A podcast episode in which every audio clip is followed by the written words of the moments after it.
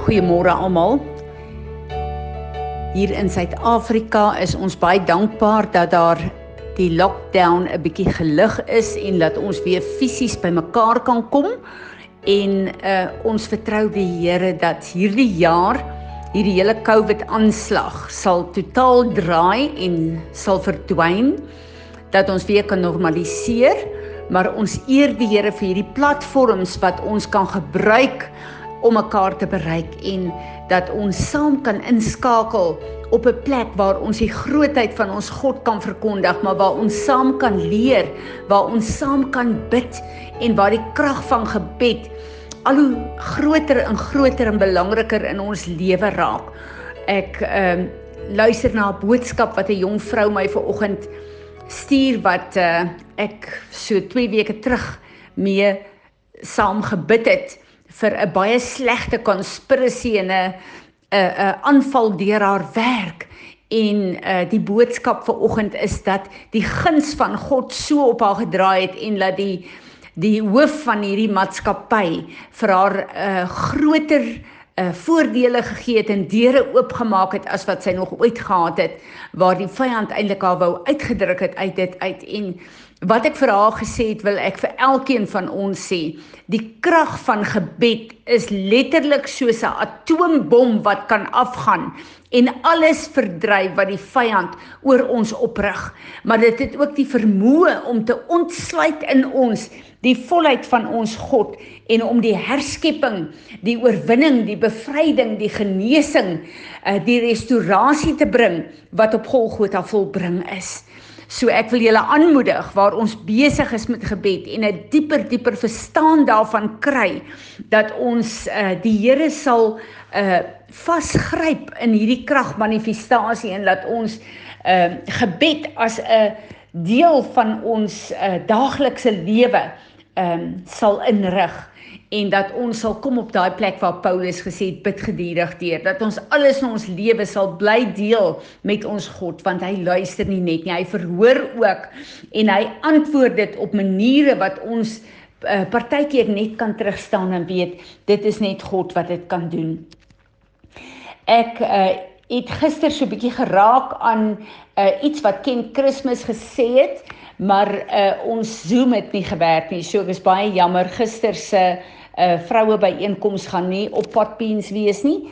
Maar uh, hy het gepraat oor die Israeliete wat uitgelei is uit Egipte land uit. Onthou julle in Eksodus 12 waar die uh, waar hulle die eerste verbondsmaal, die lam moes geslag het, die bloed aan die deure ge, uh, gesmeer het en deur die kragmanifestasie van die bloed daar in die Ou Testament kon hulle uit hulle plek van gevangenes uittrek en hy hy het 'n hele gedeelte oopgemaak waar die Israeliete getrek het tot by die Rooi See en uh uh daar 'n rukkie uh eers vertoef het en ons sal dadelik dink uh julle moet trek, julle moet vlug, julle moet vlug want uh die Egiptenare, julle vyand is op pad. Maar hy breek daar iets oop wat vir my so 'n nuwe dimensie van verstaan in God se gebedsantwoord uh gebring het. Hy sê dat baie keer dan die Here werk teen die pas wat hy weet hy met ons werk maar ook met die werk van die vyand. En uh om te antwoord moet ons in die regte posisie bring en ook die vyand want God bring baie keer judgment en oordeel oor die vyand. En die Israeliete was by die Rooi See. Maar Die rede hoekom God 'n bietjie gewag het voor hy daai see oopgemaak het, is omdat die Egiptenare moes bykom. Die Egiptenaar, daai weermag wat Farao uh, gesê het kom bymekaar en kom ons volg hulle om hulle dood te maak. Hulle moes eers in hulle getalle ook op die plek kom waar God sy judgment kon bring. So as die Egiptenare uh, vroeër gekom het, dan was hulle nie doodgemaak deur die see nie. As hulle later gekom het, was hulle nie doodgemaak deur die see wat weer toe gegaan het nie. So God se tydsberekening gaan baie keer nie net oor ons nie, maar ook oor die antwoord wat hy wil gee en ook oor die judgment van die vyand. En op die regte tyd het die see oopgegaan. Die Israeliete kon deurgetrek het, maar in die proses was hulle vyand in die see en toe die see toe gaan, is die vyand vernietig. En die woord sê, hulle hulle uh, die 'n hele weermag is uitgewis. So as dit nie die regte tydsbestemming was nie en die see toe gegaan voor daai magte in die see was, dan sou hulle aangehou het om die Israeliete te vervolg en hierdie vyand sou nie oorwin gewees het nie, hy sou net gestop gewees het. So ek wil hê ons moet 'n bietjie kyk na elke plek waar ek en jy bid en God vertrou en besef dat dis nie net ons antwoord wat saak maak nie, maar dis ook al die ander faktore wat uh saam moet align met God se antwoord vir my en vir jou. Ons is by Johannes 17, die tweede gedeelte waar Jesus in die eerste gedeelte eers uh, met God gepraat het en vir God gesê die werk is afgehandel. In die tweede gedeelte daarvan kom hy en hy praat met die disippels, met my en met jou. En uh, ek en jy moet besef dat hierdie uh, plek waar Jesus bid vir ons is die laaste keer wat hy met die disippels in sy bediening gepraat het. Daarna, die volgende hoofstuk sê daarna is hy na die tuin toe waar hy verraai is. So hierdie is die laaste, hy het sy gebed het alles omvat en eintlik sy lewe op aarde, sy wandel met hulle kom afsluit. En is dit nie wonderlik om te sien dat Die laaste wat hy doen is om te bid en ons terug te gee vir Vader en om uh, uh soos wat hy een is met Vader ons een te kom maak met hom en met Vader. Dit was my so 'n uh, 'n 'n wonderlike kragtige ehm uh, uh eindaksie wat Jesus gedoen het voordat hy kruis toe gegaan het.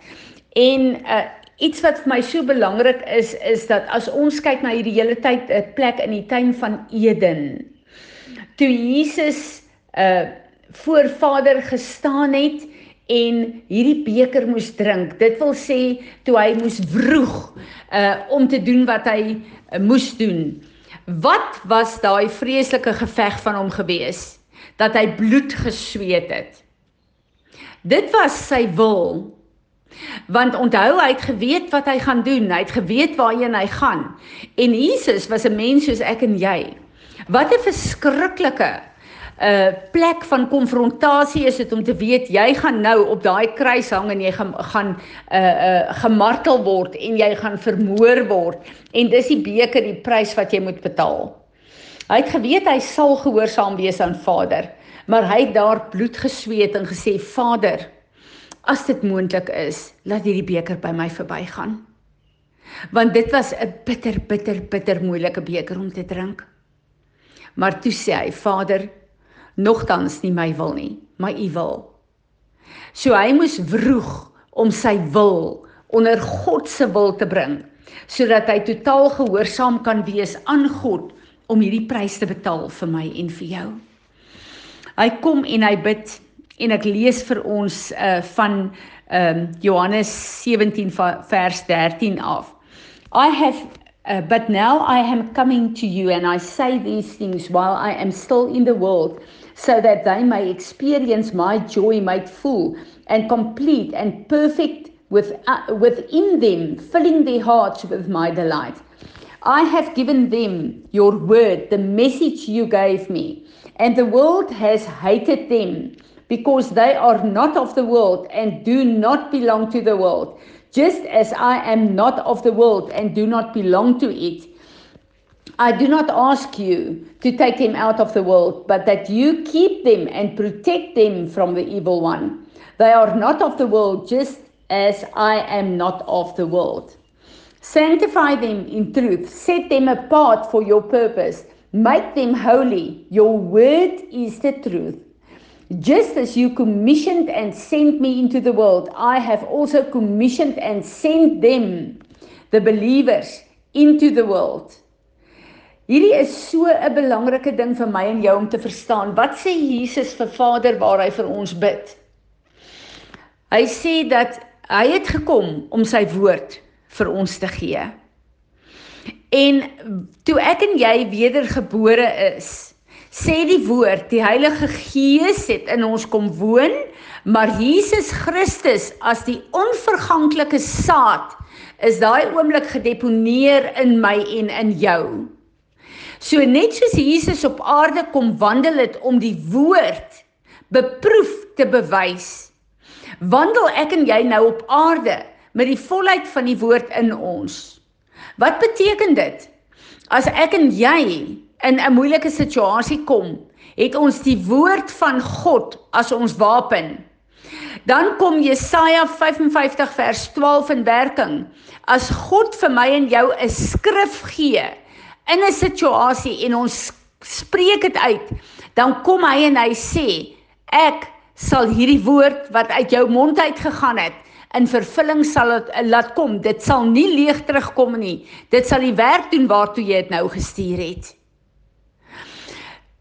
Daar's geen situasie wat ek en jy in kan kom wat God se woord nie reeds die oorwinning gebring het nie want die woord is Jesus Christus die woord is die wysheid van God die woord is die krag van God en ek en jy het daai woord in ons gedeponeer met ons wedergeboorte hy kom en hy sê hy gaan ons nie uit die wêreld uitneem nie want sy woord moet in vervulling kom deur jou en my Hy het in sy fisiese wandel op aarde die woord in vervulling laat kom in elke detail. Ek en jy moet in ons leeftyd die woord van God deur ons lewe in die situasies en die plekke van invloed waar God ons plaas. Daai woord moet deur my en jou beproef word Maar ek en jy hoef dit nie te beproef nie. Jesus het dit reeds beproef. En dan kom Vader Jesus en Heilige Gees en sê wanneer ons die woord as 'n wapen gebruik, dan sal dit presies bereik waartoe dit gestuur is. Hy kom en hy sit sy autoriteit agter die woord wat ek en jy uitspreek. Wat 'n awesome voorreg is dit nie. En daardeur kom hy en hy sê om soos wat hy in Vader 1 is, so maak hy deur sy gees ons een met hulle. Hy kom en hy sê for this sake I sanctify myself to do your will so that they also may be sanctified set apart dedicated make holy in your truth. I do not pray for those alone. It is not for their sake only that I make the request, but also for all those who will ever believe and trust in me through their message that they all may be one just as you, Father, are in me and I in you, that they also may be one with us, so that the world may believe without doubt that you have sent me. Hy sê vir ons in in Johannes 15 net 'n bietjie voor hierdie gebed van Jesus sê hy, hy is die ware wynstok en ons is die lote. Wat beteken dit? Ek en jy het met ons wedergeboorte is ons afgesny van ons bloedlyn wortels en bome. En ons is ingeplant in die ware wynstok. Dit is hoekom hy en wie hy is deur ons kan vloei. Sy woord kan deur ons vloei want ons is ingeplant in hom en wie hy is. Dan kom Jesus en sê Father I desire that they also whom you have given me as gift to me may be with me where I am, so that they may see my glory which you have given me, because you loved me before the foundation of the world. O just and righteous Father. Hier kom Jesus en hy praat van die plek van intersessie, sy plek van glorie wat hy weer ingeneem het aan die regterhand van Vader God waar ek en jy in die gees sit. En kan jy dink as ons kyk na hierdie hele prentjie wat die woord beskryf van hoe lyk Vader op sy troon as 'n skepper? Hierdie totale krag en lig en weerlig en donderslag wat uit daai plek van krag uitgaan. Jesus sit aan die regterhand daarvan. Ek en jy sit aan die regterhand daarvan. Ek bid dat Vader in hierdie plek vir ons die geloof sal gee, die verstaan sal gee om te besef waar ons is en wie ons is op aarde, sodat wat Jesus vir ons gebid het in vervulling sal kom en dat die glorie en die almag van ons Vader in en deur ons lewens sal werk soos dit hom behaag. Piet, sal jy vir ons bid op hierdie plek asseblief? Here Jesus, dankie vir die oorwinning wat U behaal het. Dankie dat U hierdie wêreld oorwin het. Dankie dat hierdie wêreld nog nooit die oorhand gehad het nie. Here Jesus, ek wil U vra om ons te help. Help ons met ons geloof. Here, daar waar ons U woord lees en daar waar daar stukkies in die woord staan waar daar begin twyfel inkom waar ons sukkel om die goed te glo wat ons lees, Here. Here Jesus, U sê dat elkeen van ons 'n measurement van geloof en ons kan vra en U kan dit vir ons increase. Here, ek wil vir U vra vir increase van geloof. Jy weet dat U elkeen van ons geloof sal meer maak. Jy weet dat ons sterker sal word in U in geloof. Heilige Gees, help ons om hierdie pad uit te loop. Help ons om in oorwinning te loop in Jesus se voetspore. Here Jesus, dankie dat U die voorbeeld is en dankie dat ons in boldness agter U kan aanloop. Heilige Gees, ek weet nie altyd hoe die proses lyk nie. Jouself goed in my eie lewe waarmee ek sukkel baie keer, wat ek sukkel om te glo.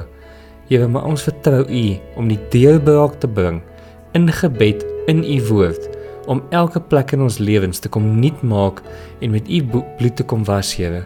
Jy weet dat ons in elke aspek van ons lewe in heiligheid agter U kan aanloop. Dankie daarvoor, Here. Amen.